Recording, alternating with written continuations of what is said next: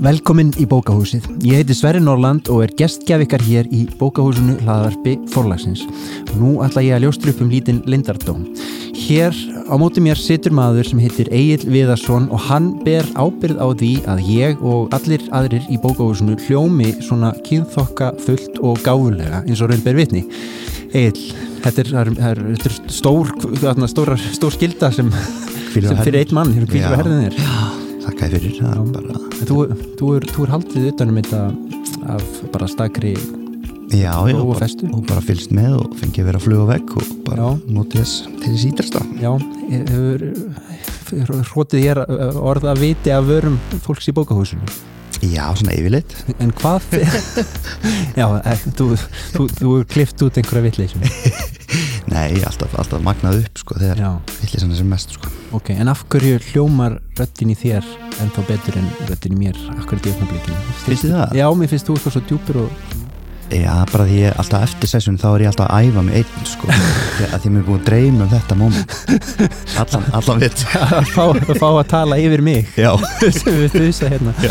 Heyrðu, já, já, ég, hérna, ég ætla bara að þakka þér fyrir að stýra þessari freikátu já, bara takk, takk sem leiðis og takk til alltaf sem hafa kominga þetta er alltaf búið að vera ótrúlega finnum Já, já. og þetta er ekki búið enn. Nei, Hér, hérna, ég fann að finna einhverja svona síldarbrælu já, einhvern óþef Hver geti það verið? já, bara líktur á mér held ég sko. Það er líktinn af þér. Og mér sýnist að Hallgrimmi Helgason beri líka með, sér hennan ódöun Já, Ég ætla ég ætla að gá hvort ég geti gripið hann. Já. Jæja, við stöndum hérna í, er þetta ekki síldarversmið, Hallgrimur? Ég er bara, ég er svo mikill græningi, hvernig, hvernig virkar þetta? Þú ert allur út í slóri? Stendið á gólfinu í Eviger Vestmiðinni. Já, Jó, af hverju fjast þú svona flottan galla? Ég, hvað fæ maður svona fína galla? Ég er nú bara að bera ofan, sko, það er eitt hérna. Já, ok, já, ég þarf Það er svo rosalega mikið, það er gufu kallarnir, sko. Já, ég, það skvættist eitthvað á gleru mín á en ég þurfti að taka það mér ég, er, ég fer þá kannski bara úr líka við verðum að halda dampið meðan við spjöllum til hamingjum með annað bindi í, hvað ég var að kalla þetta segul fjárðar epík þinni Segur fyrir að sex leiknum. var þetta sexleikur? Nei, ég veit það ekki. Já, þá, þá skaltu ekki fara of geist hérna á færibandinu ég, ég var að hugsa því ég var að lesa þessa og, og fyrir bókina sex, þessi heitir 60 kíló af kjafthaukum fyrir heitir 60 kíló af sólskinni eins og hlustundur vitur nú sjálfsagt og ég fór að hugsa, ég mynd, myndist þess ég bjó út í New York fyrir nokkrum árum og þú komst ángað að kynna þýðingu á konunum við þúsund gráður og eins og margir vita þá veru bandaríkjumenn sannilega heimsmeistarar í því að vinna heimildarvinnu við skrifa og skáldskap og kannski taka sér 8-10 ár í það að undirbúa sig. Ég man að þú varst indur eftir því hvort þú hefði lagt á því mikla heimildar eh, ráðist, ráðist í mikla heimildaöflun þegar þú varst að skrifa þessa tiltekni bók og þú varst svona, svona þungur á svipin og sagðir já, ég las nú svolítið og undirbjóð mig talsvert, las nokkrar bækur og svona og allir hafi ekki tekið 2-3 mánuði í það og allur salurinn sprakk úr hlátri. Og mér fannst þetta eitthvað svo, svona lýsandi líka fyrir hvað íslenskir höfundar og bara duglegir og bara skrifa næstu bók og næsta bók í flóðinu og svona. En hvernig er það þú búin að vera að skrifa um Segulfjörð sem á sér nú skýra fyrirmynd í raunveruleikanum, Siglufyrði Ertu búin að sökva þér þarna í einhverja samtíma heimildir eða hvernig ferði að því að búið trúverðu heim sem fyrir hundra árum eða meira? Já, það er bara sama. Sökka sér hún í bækur frá þessum tíma, dagblöð, uh, aldrei okkar eða nýja yfirlitið yfir síldarárinu eftir Pál Baldvin alltaf. Mjög hendugt, sko. Það Já. er bara náttúrulega eins og sér, sér hanna fyrir rítumund, sko. Já, já, og það eru bara allar heimildirna konar saman Mm.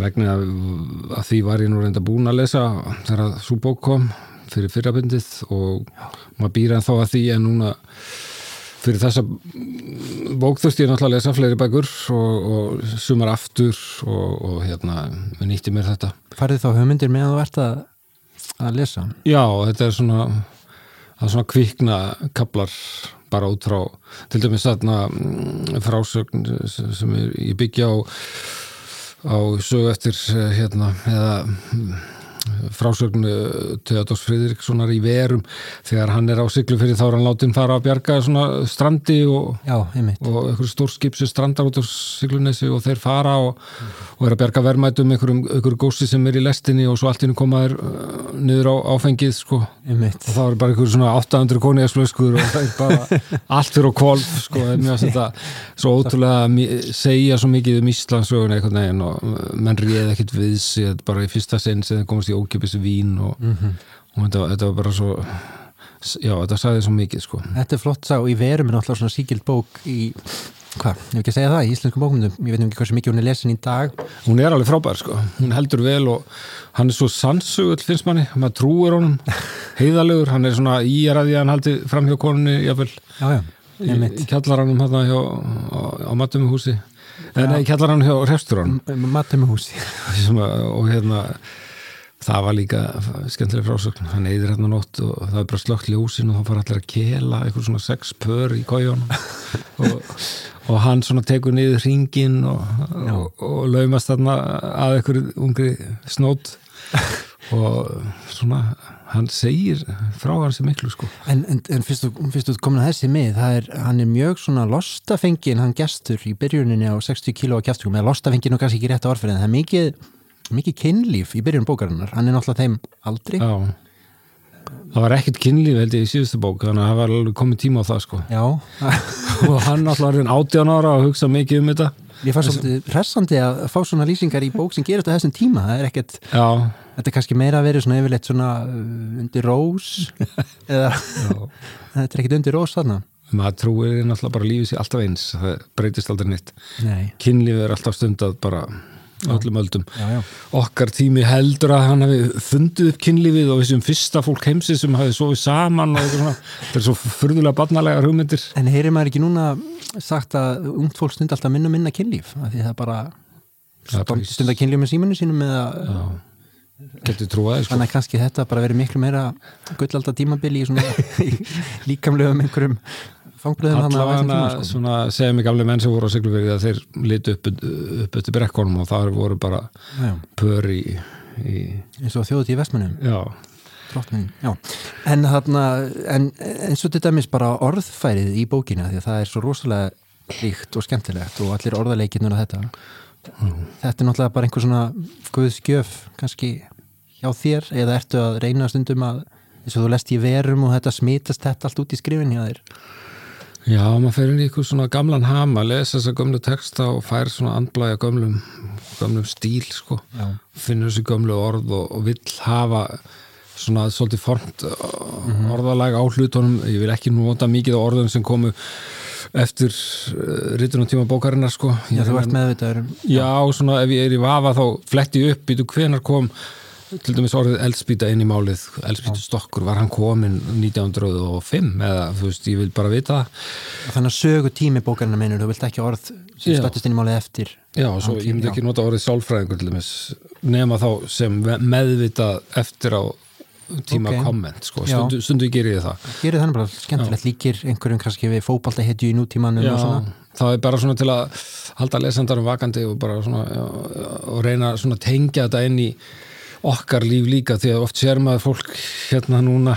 Já, bara síðast í, um helgina var ég að fara skuttleikur til vinkon okkar. og hún kom til dyra og það var algjörst myrkur í íbúðinni og hún kom svona til dyra og bara í gættina nei, ég er komin í sótkví mér fannst þetta að vera eins og sena aftur úr Já, já. 19. öld sko.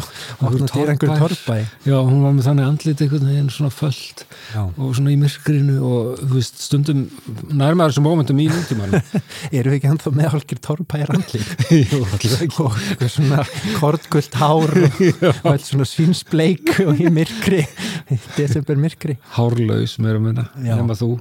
En finnst þér þú þá mega sko þarna, nota ríkara orðfæri líka og nýjum nýja orð komið inn í málið og, en, en af því að þú ert að skrifa sögur sem gerist fyrir hundra ára með meira Já, mér veist að svona meira frelsi og, og, og meira djúsi stíl sem kemur Já. út úr því sko, þá fer maður í gang og svo býr maður til orð sem virka gömul og, ma- Einmitt. og allir halda þessi hafi verið notuð á þessum tíma en er kannski bara tilbúningur hjá mér Eitt, eitt mjög skemmtilegt dæmi sem nú kannski ekki svona fortfánlegt, hljómar ekki þannig að sjónvarp og svo sjóvarp að því hann situr og horfir út á sjó. Já, það er náttúrulega vísindi nútímans já, já. bara svona bera saman uh, okkar hlutskiptið, við erum alltaf með eitthvað svona skjá í gangi, við erum alltaf svona slæma augunum á skjáin. En þarna voru þið bara með fjárðar minnið, alltaf að horfa svona út á sjó eins og maður gerir þegar maður býr þarna. Ég rak mig á það, maður vildi alltaf kíkja út, út í fjárðar minnið, bara til að sjá eitthvað tengja sig við daginn hvernig, hvernig lítur hann út sko. Mm, en er það kannski svipað og við gerum í dag við gæmst á skjáin þá erum alltaf að vonast til já, að fá einhverja góða fréttir ég óttast alltaf að fá einhverja slæma fréttir reyndar samt er alltaf að kíkja. En e, þegar maður horfður sjó en maður kannski vonast til að sjá þar eitthvað sporð á einhverju einhverju er vonast- skefni eða nýtt skip skomi frek, fregnir Já, maður er alltaf vonast eftir þessu skipi when my ship comes in sko. er veginn, þetta hugtak um að skipi komi með hvað? með, með framtíðina til dæmis eins og gerist á Siglufyrði á Já, já. 1903 og þau eru bara er í sínu lífi og svo bara alltaf kemur eitthvað skri- skip Mhm. inn fjörðin og bara þau veit ekki hvað skipið þetta er og það er bara þetta skip bara hleypir nútímanum á stað kemur með nútíman til Íslands Já. þetta er bara eins og þegar eh, bresku herskipin koma til eh, Reykjavíkur í byrjun setnastriðs Þetta er náttúrulega hernám einmitt, einmitt. þetta er bara svona söguleg moment það, kemur alltaf utan á hafinu Ég hugsa oft svolítið um upp af nútímans og Íslandi einmitt í kringum hernámið og, og, og setna stríð en, en það er kannski frekað þarna á stiklufyrði Já, ég er að fjalla um sögu sem að hefur kannski ekki mikið verið sögð og hefur fallið svolítið í skuggan þetta er svona okkar viðmið er allt út frá Reykjavík.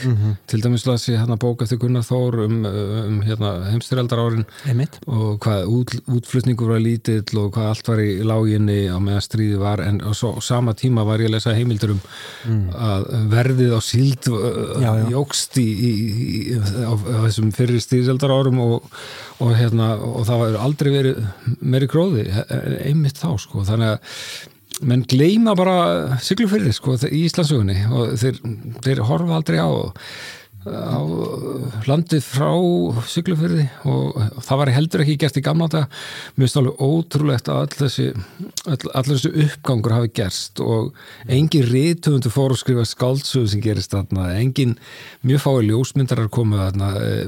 Það var lítið fjallað um þetta og þarna reist stærsta hús landsins, bara stærsta síldaðis með norðurhafa sem, og sem fórst síðan í, í snjóflóði já, og þetta var bara Já. þetta var bara nánast óumfjallað sko. En uh, af hverju eru við svona fljóta að gleyma bara eða hvað að því Já, það var eitthvað svona þetta er bara svona, þetta var svona skrítið hvað, var, hvað mikill uppgangur var í einhverjum mm -hmm. krumaskuði út á landi og það bara eitthvað, við registrerum það ekki hérna í Reykjavík, sko. En svo er þetta líka svona smá svona gullleitar fílingur, kannski þú veist að spratta upp að ég veit ekki hversu mörg, margi veitingastæðir og öldurhús eru þau ekki orðin 10-15 á tímabili og allt út í fólki við sögumatíman og þetta er náttúrulega svolítið svona safaríkt sögust við Já, þetta er svona blanda af stórborg sko, þrjár hattabúður, ball á hverju kvöldi Já, 23 knæpur var, og, og bara, það var bara strax 1915 eða eitthvað og allt leiniknæpur og þú veist, þetta var allt ólöglegt svona speak easy Já.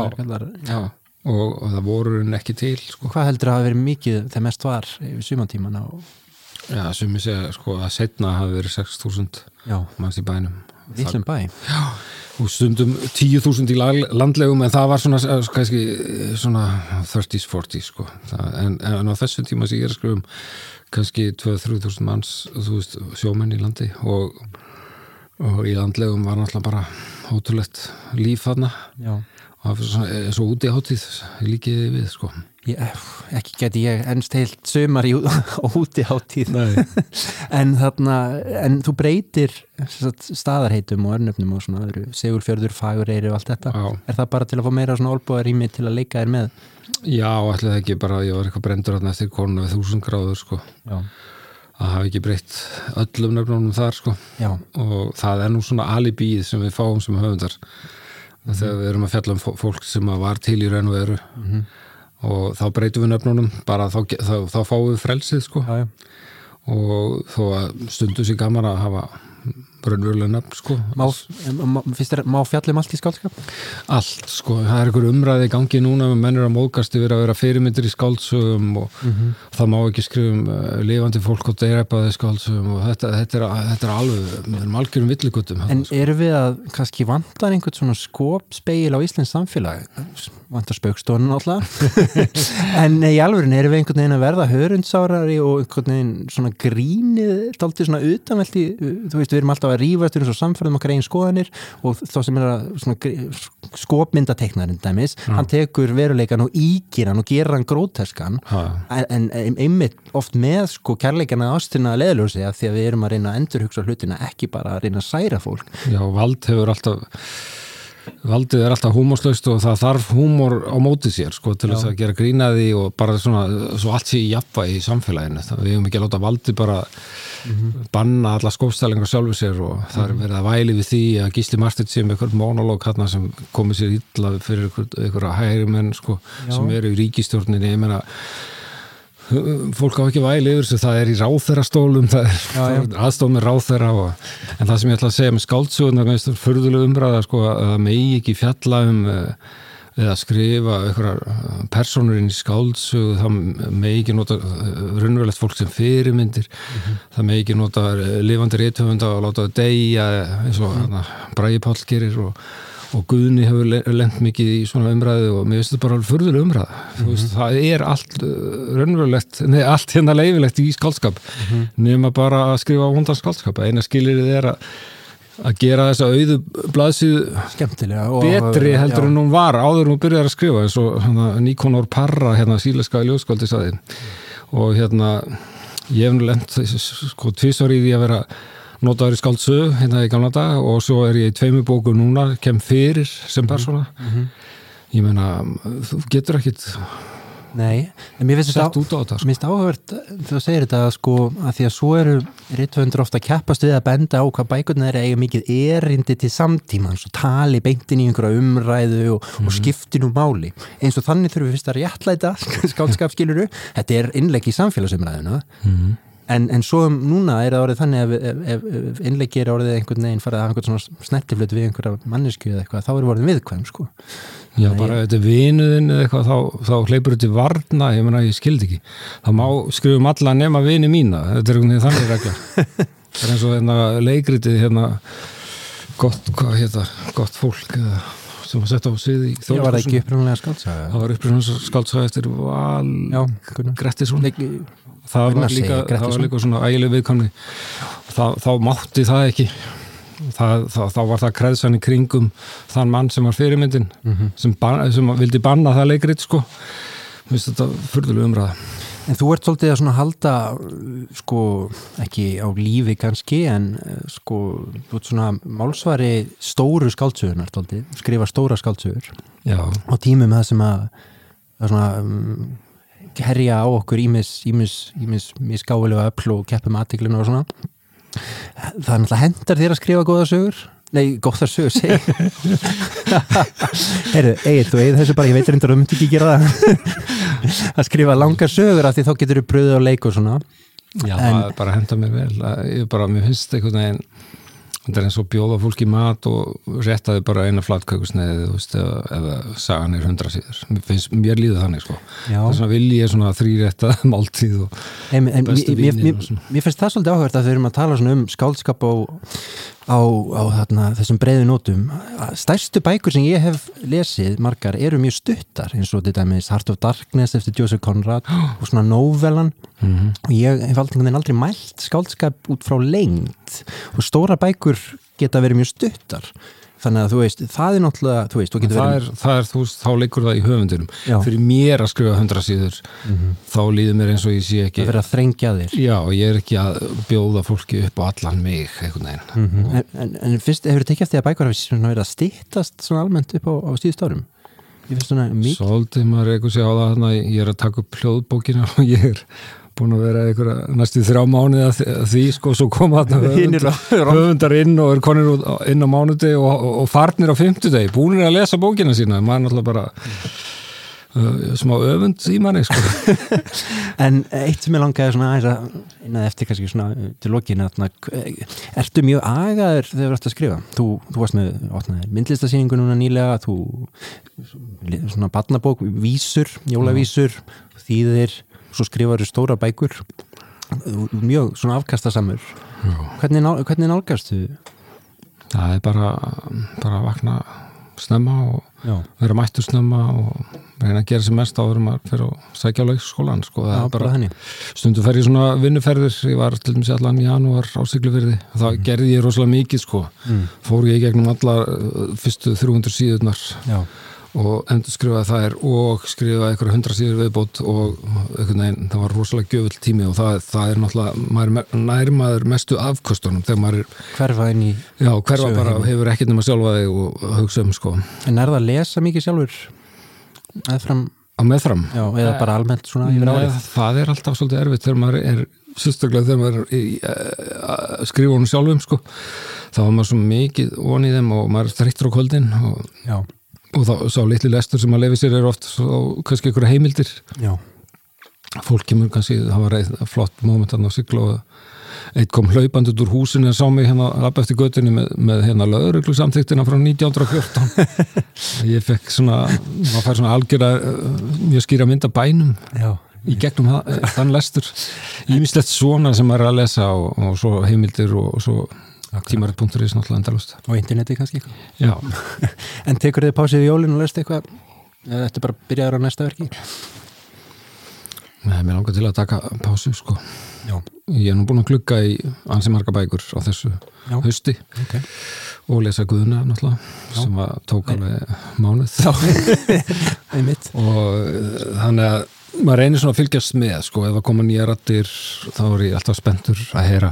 Það er alltaf jafn mikil viðburður einhvern veginn þegar nýr höfundur kveður sér hljóðs og maður verður að taka á mótónu sko og, rósónum ef, ef, ef, ef maður er hrifin sko.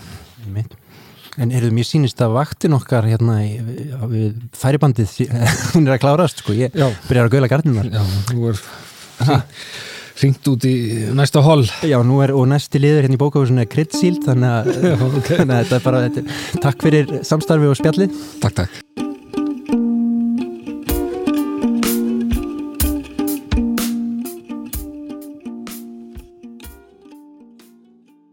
Hér hjá mér við svignandi veisluborð sita þrýr höfundar, Áslu Jónsdóttir sem fengið hefur íslensku bókmyndaverlunin fyrir eina skrimslabókunum sínum, Ólafur Gunnar Guðljófsson sem fekk eh, íslensku barnabókaverlunin í fyrra ef ég mann rétt og Rud Guðnadóttir sem fekk, nei, nei, þú fjast þú í, ah, heyrðu, ég var að byrja aftur, ég ætla ekki að byrja aftur, Rud, og þú fjast þau í fyrra, ég er að snúi þessu við, og þú, Ólafur, fjast þau í ár. Já. Til ham ekki með var alltaf að fá allir þessi verðlaun. En þið þurftu nú reyndar ekki að taka þau með ykkur hingað í hljóðverið. Nei, Voruð þið búin að og erum þetta? Já. Svona, vera með þetta Já, ég er alltaf með það í töskunni, bara svona ef ég á slæman dag. Og drægið þetta upp innrammað og, og, og sínið. Já, En heyrðu, það er nóg af kryddsíld á borðinu. Fáið ykkur endla með við spjöllum. Já, kæra þakkir. Er kryddsíld ekki annars eitthvað sem maður borðar? Eða, ég, Algjörlega. Já, ég held ég hef aldrei fyrir borðað kryddsíld. En Hallgrimur Helgason var sem sagt í smá vittali hérna á hann og hann kom með þetta frá Segulfyrði sem er sem sagt eh, siglufjörður huga hans. Og við sem sagt verkuðum þessa síld og, og kryttuðum hana og ég vona bara hún, hún bræðist ágætlega. En sem sagt, þið eruð öll að gefa út bækur. Ólaf Gunnar, Ljósbera Rödd, Drekar, Drama og meira í þeim dúr skemmtilegt að bera fram þennan titil Og stuðlar og höfustaf. Já, akkurat. Og Áslug, þú með skrimsla leik sem er skrimsla bók nummer nýja tíu. Tíu, Tíu. já, Já. Af hverju er alltaf svona krökt af skrimslum og svona yfirnáttúrulegum fyrirbærum í barnabókum? Í bandabókum almennt Já. e, Ég held að það er alltaf gott að nota mm, svona einhverjar kynja verur til að mynda ákveðna fjallað Já. við vandamálinn eða, eða personur Mm, um, að, að og að, svo, mér finnst sjálfur sko tekna skemmtilegra einhver, einhver fígurur og svo náttúrulega þetta bara eldist betur. Já, er það líka að því að uh, ef börnin sjá börn sem líti ekki út eins og þau sjálf þá samsæra þau sér síður en frekara við skrimslin eða, Já, allavega þá veit ég að, að hérna, sko, ég- er, þetta er alltaf sama sagan með lesa strákar bækur með þar sem stelpunar eru í bleikum kjól með tíkó og svona? Og en allan að þau lesa skrimslabækuna jæmt og, og kynin og bara öll kyn. Þau eru hvorukins já. fram sko. Skrimslin eru korukins, ég er ekkert veldi fyrir mér. Það er skemmtilegt Já, einmitt og, Nei, skrimsli getur, skrimsli getur að vera bara hvaða kyn sem er. Já, já, Þau geta valið og- sér kyn. og, og, og, og nýju kynin líka bara. Já, já, ég segi Já, já. þau, það er talað um það og Já, en þetta er mjög áhugavert að, einmitt, að minnst þetta mjög aðtiklisvært að þú hugsir þetta aðeins svona. Að, að, krakkar samsværi sér skrimslun sem eru einmitt bara gróraðu kyni og, og allt þannig. Það getur vel verið það. já, sko, skrimsla sögur sko uh, sko badnabækur koma á sínu tíma sem sagt til þess ævintýri Hási Annesen og, og það sem sagt að þetta auðvitað mikið að þessu kemur úr gömlu þjóðsögum Mhm. og þjóðsögurnar fjalla aðalega meira og minna um einhvers konar ofunáttúrulega hluti. Ég vil kalla þetta ofunáttúrulegt, ekki yfirnáttúrulegt.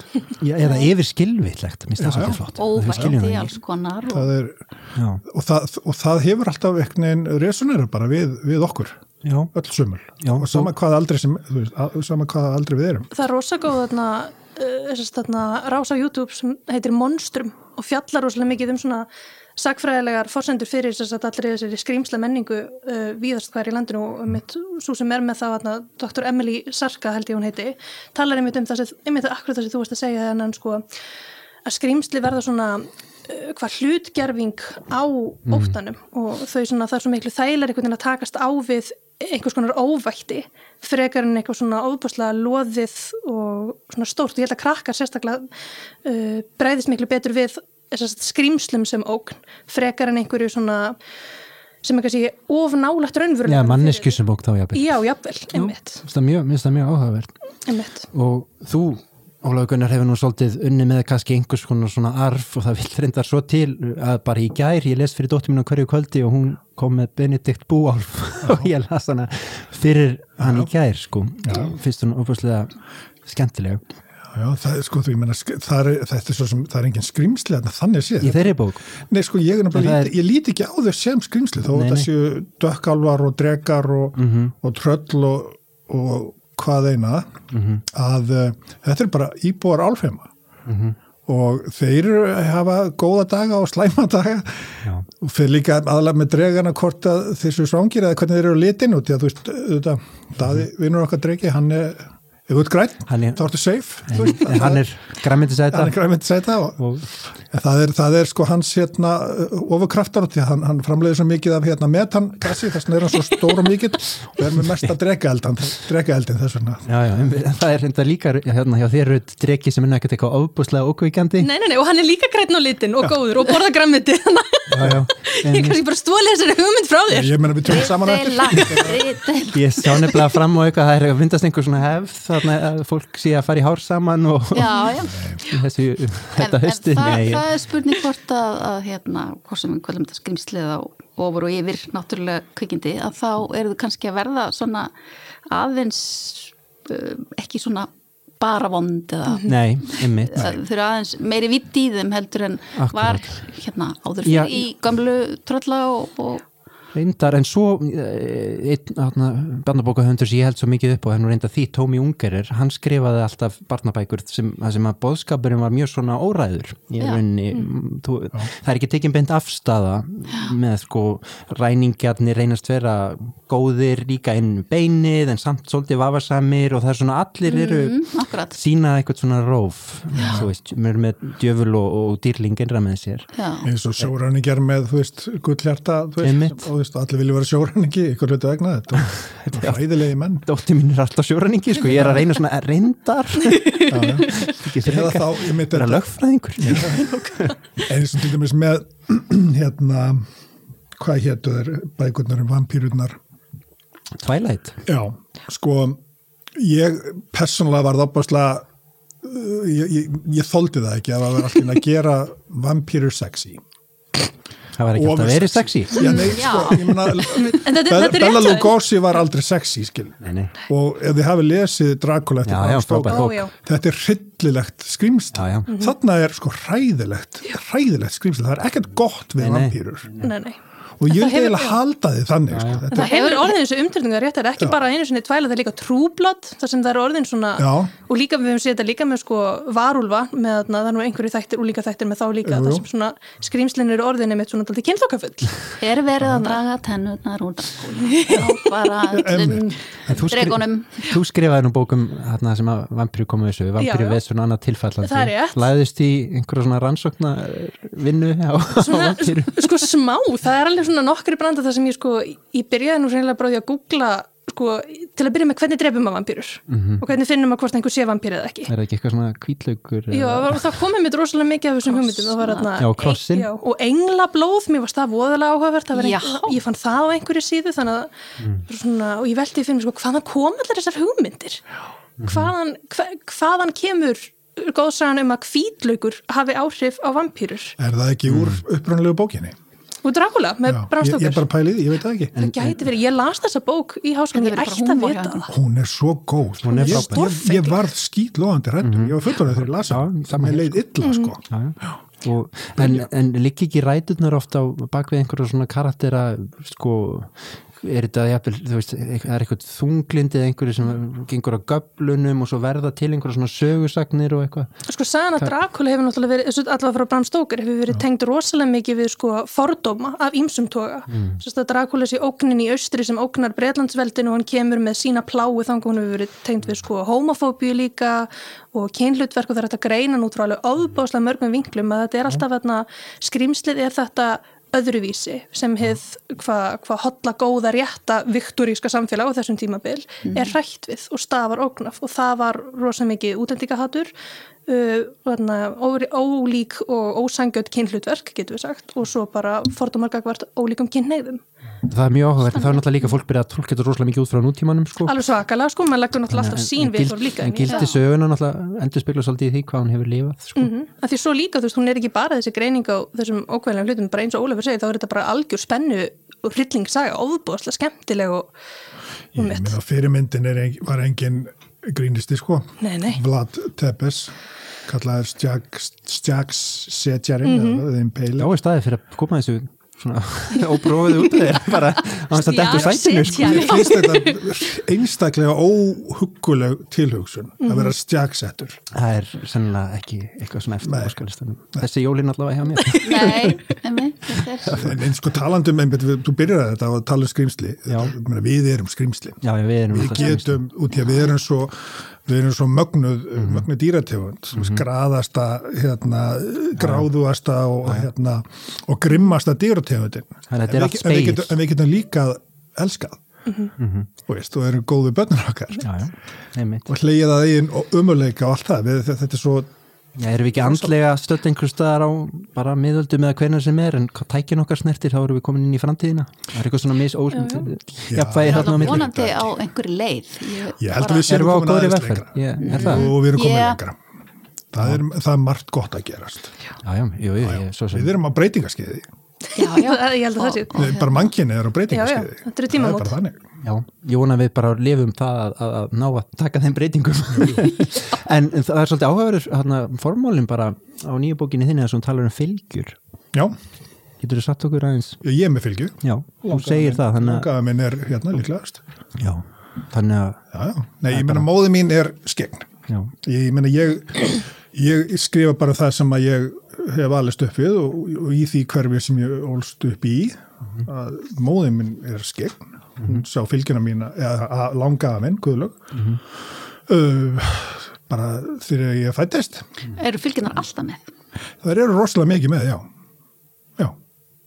Minnur að alltaf svona samt Nei, nei, án gríns, ég, ég, er, ég er ekkert að grínast með þetta. Ég, hérna, bara, sagt, ég hafði ég hafði þrjá valkosti þegar ég sá móðum mín að tala við drauga fyrstskipti ég, ég var 8 ára gamall ég er nýkomin heim á skóla og allt í henni bara verður hún eitthvað sljó í augunum og eins og hún verður bara döða drukkin allt í hennu, síðan bara er hún að tala og hlusta og fer allt í henni að hlæja og ég bara stendin í eldhúsi og skýt loðandi rættur sko.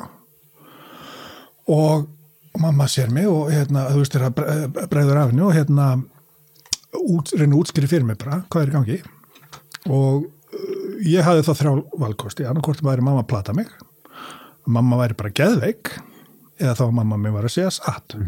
Og ég bara ákvaða að, að mamma væri að segja satt en alveg upp frá því hef ég haft rosalega mikið áhuga á öllu sem að tengja sem sagt uh, andlegum málefnum, trúmálum og góða fræð og þjóðsögum, you name it, þetta er bara Og finnst þið gott að ferja það inn í til dæmis barna eða unglingabækur? Á það passar að Já, þetta er ekkert nema skemmtilegt. en, en, ég, en ég er svona að hugsa mér eins og krakkar og unglingar eru svo móttækilegir.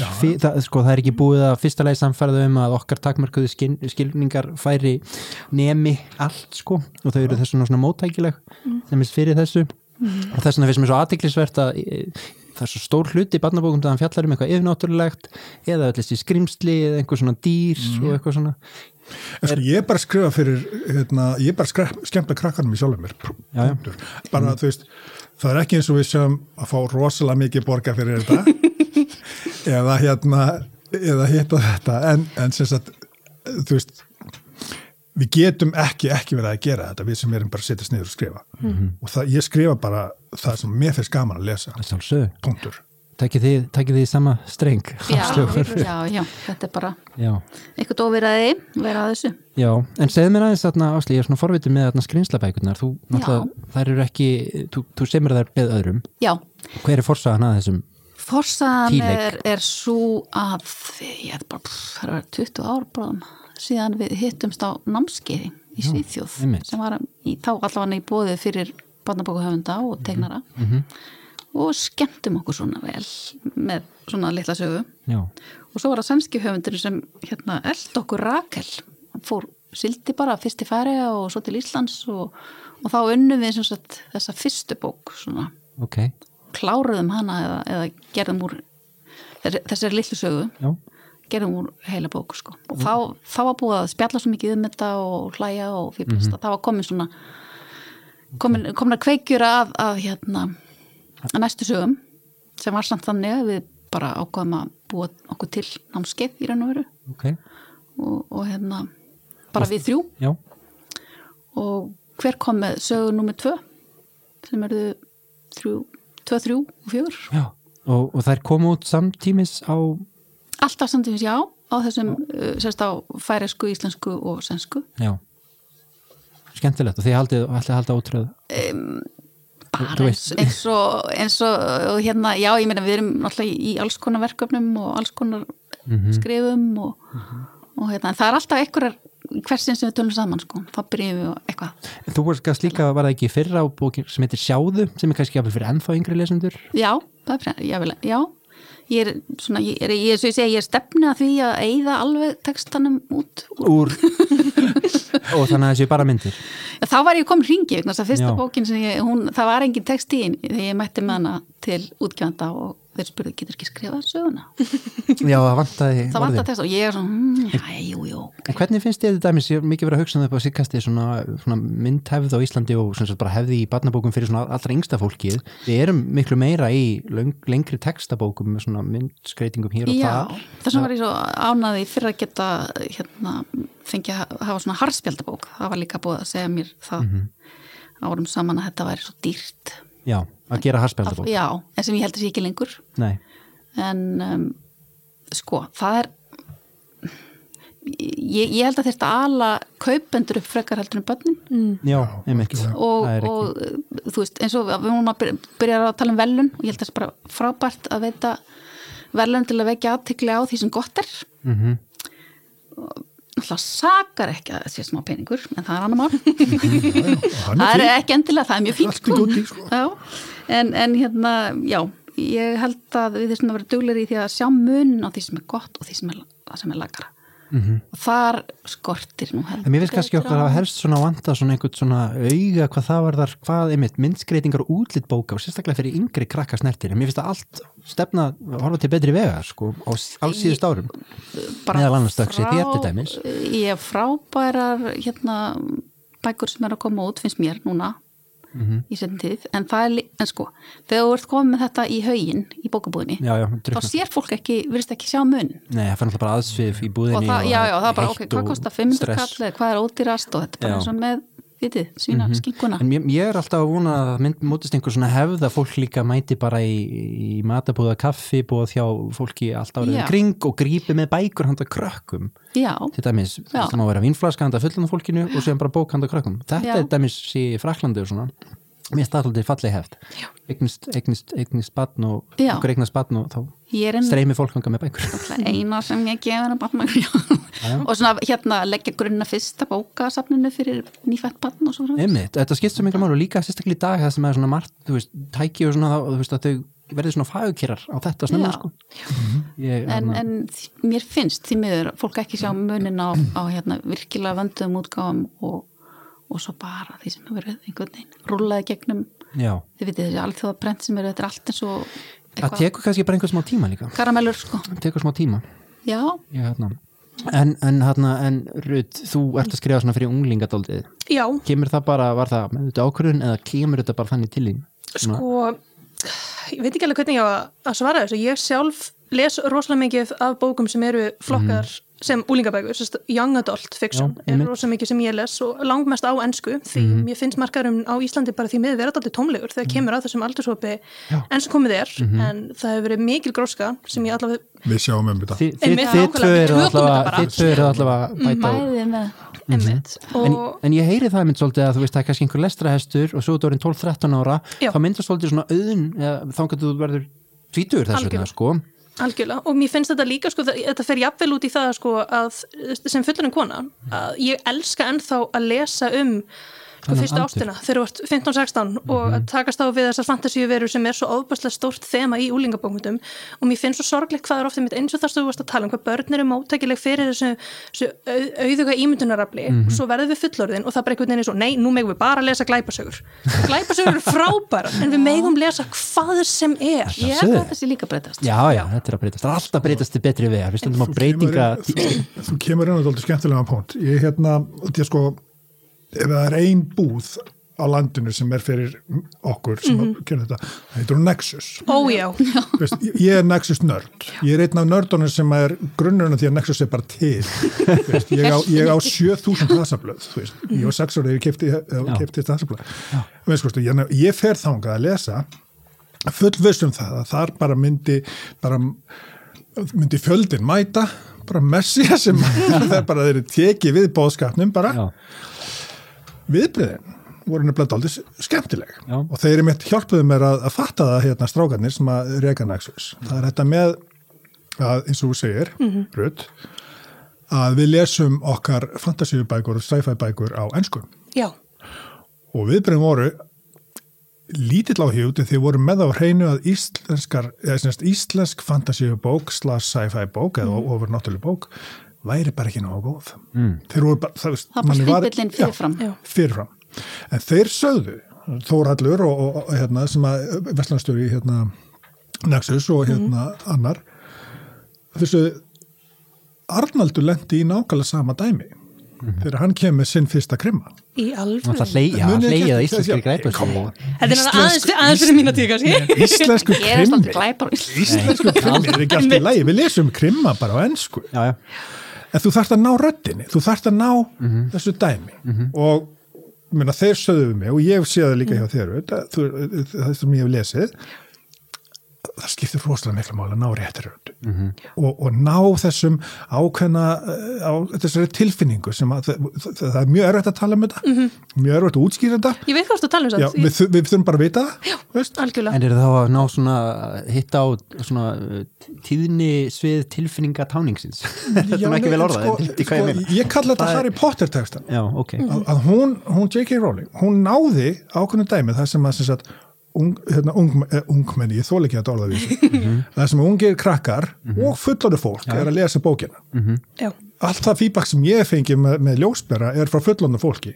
Og þau eru öll alveg bara sljótt þetta er allt vinni mínir og við erum öll á sama nei, og við erum öll á öll sama kynnslóði Já, já. höfum, upp í sama pakka og þannig að þú veist já, þú veist, að reyna að samfara fólk um að, að, að hlutur sé fyrir breyðari hérna lesendahóp og líka út af því að það er alltaf að vera að henda okkur líka og þá sérstaklega kannski við sem erum að skrifa fyrir táninga og núna ég gerir ég gæsalapir að það verður alltaf að henda okkur inn í eitthvað svona eitthvað mjög þröngan hérna bálk hérna þar sem að sko sjálf bókin getur farið svo miklu lengra. En við erum, við erum neitt inn í þetta.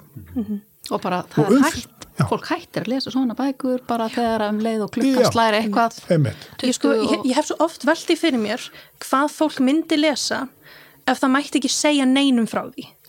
eða mætti ekki segja mætti, ef þú mættir ekki segja neinum þú mættir ekki posta neitt á Facebook þú mættir ekki hafa bækurnar upp í hillu hvað myndir þú lesa? Bara ef ekkert nema þín eigin innri áhuga sko. Biblíuna og Shakespeare Já, nákvæmlega, einmitt. ef þú mættir ekkert tala um þú veist, ég, sko, man eftir þessu hvað ég var því ég er nú sjálf svo ég, er oft minn eigin vestu óvinnur, sko, nú er ég orðin kennari á framhaldsskólastígi og það er svo fyndið að sjá sko endurspeglununa í nemyndunum sem að sjálfur var með. Bara, af hverju við að lesa þessa bók sem er nákvæmlega það sem ég sagði þegar ég var í menturskóla og líka í háskólanámi? Að þegar mér fannst við tókum, tókum ekki það marga kursa í bókmyndafræði fannst mér og, atna, og, þegar, og mér fannst þetta svo mikið svona fagur bókmyndir og nú seti ég gæsaleppir út í loftið.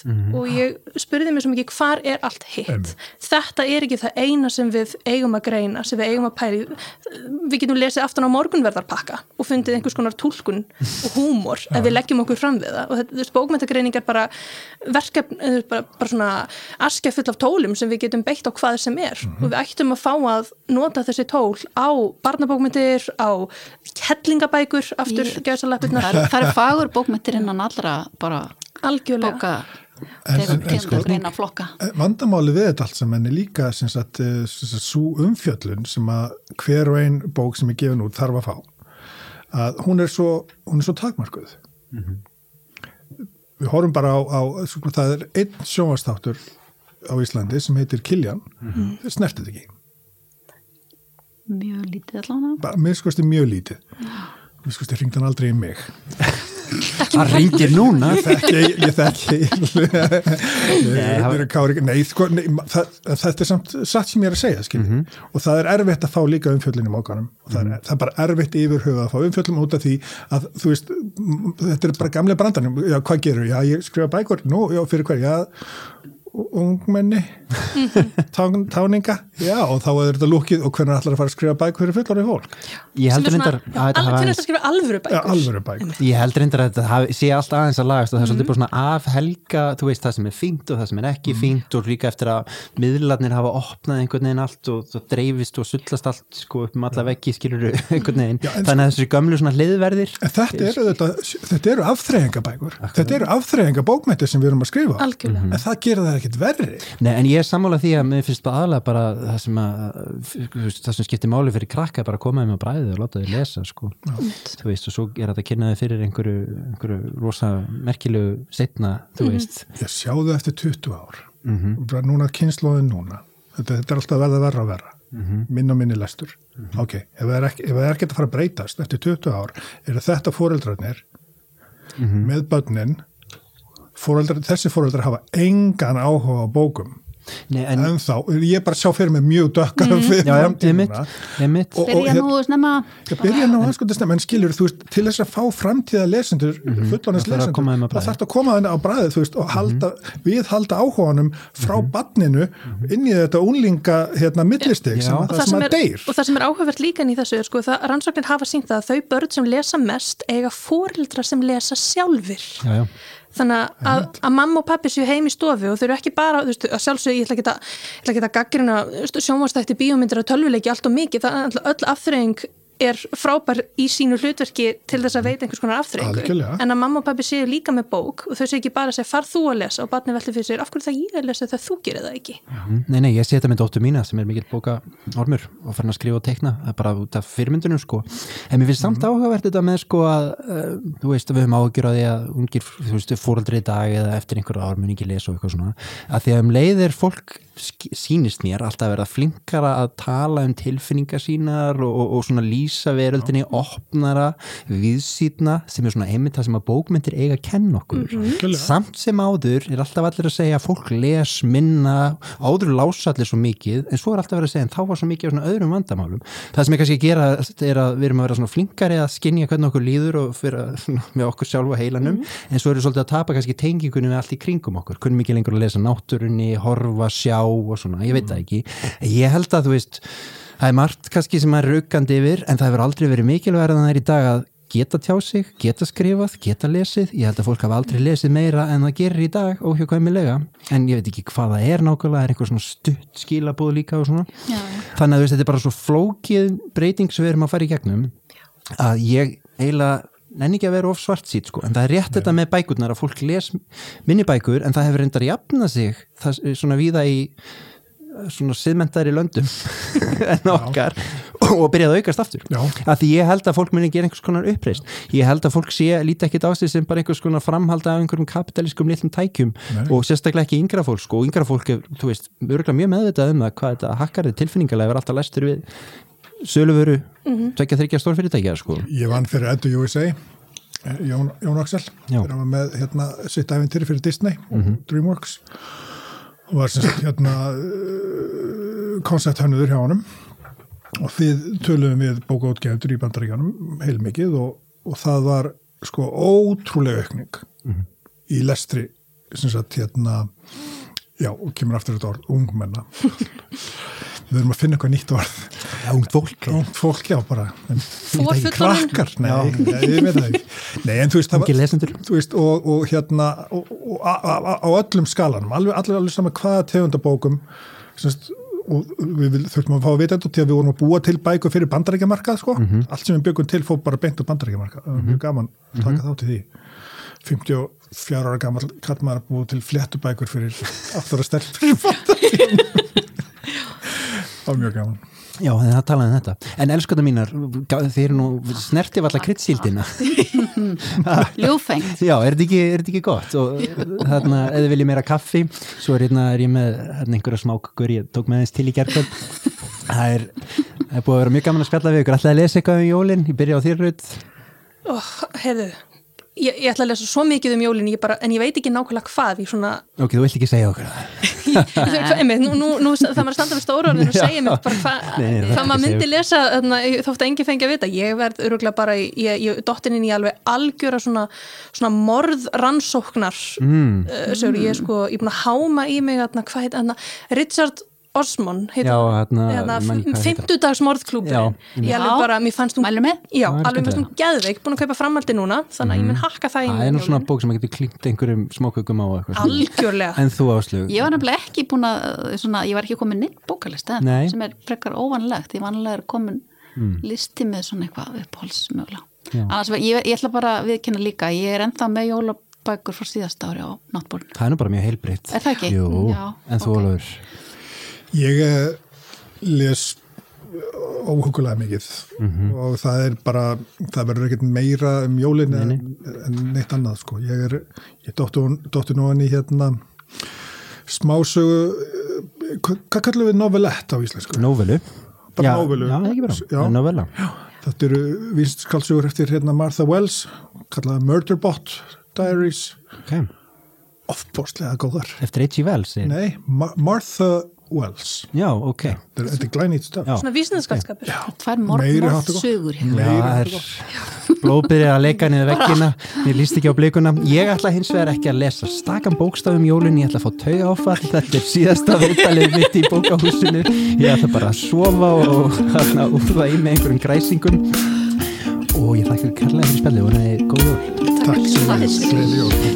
við.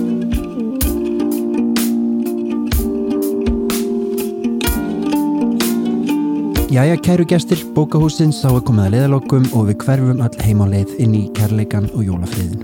Gestir mínir í bókahúsinu voru að þessu sinni Hallgrímur Helgason sem sendi nýlega frá sér annað bindið í Segulfjörðar epík sinni um síldarárin miklu, 60 kíló á kjaftsökum.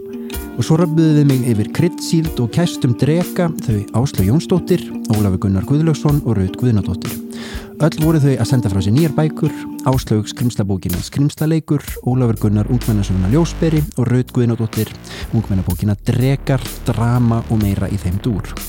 Tónlistina hér í bókahúsinu sömdu jólabörnin og smáköku meistararnir sem mynda tví eikið tæpitungulausa, urmull og kraðvæk. Þeir Ragnar Jón Ragnarsson, einnig þetta sem Humi og Helgi Egilson. Upptökum stýriði Egil Viðarsson, upptökur fóru fram í stúdíu Harmi djúft ofan í jörðinni. Sjálfur heiti ég Sverri Norland og er leðsögumæður ykkar og gestgjafi hér um töfraveruld bókahúsins. Ég þakka ykkur kærlega fyrir að hafa ferðast með mér í gegnum bókahúsið á undanförnum vikum, kæru hlustundur. Án ykkar er þið hér heldur einmannalegt. Þetta verður síðasti þátturinn í byli, sjáumst á nýja ári, kannski hér, kannski á förnum vegi. Þanga til, farið vel með ykkur, farið vel með fólki í líf ykkar og lesið bækur. Verðið sæl.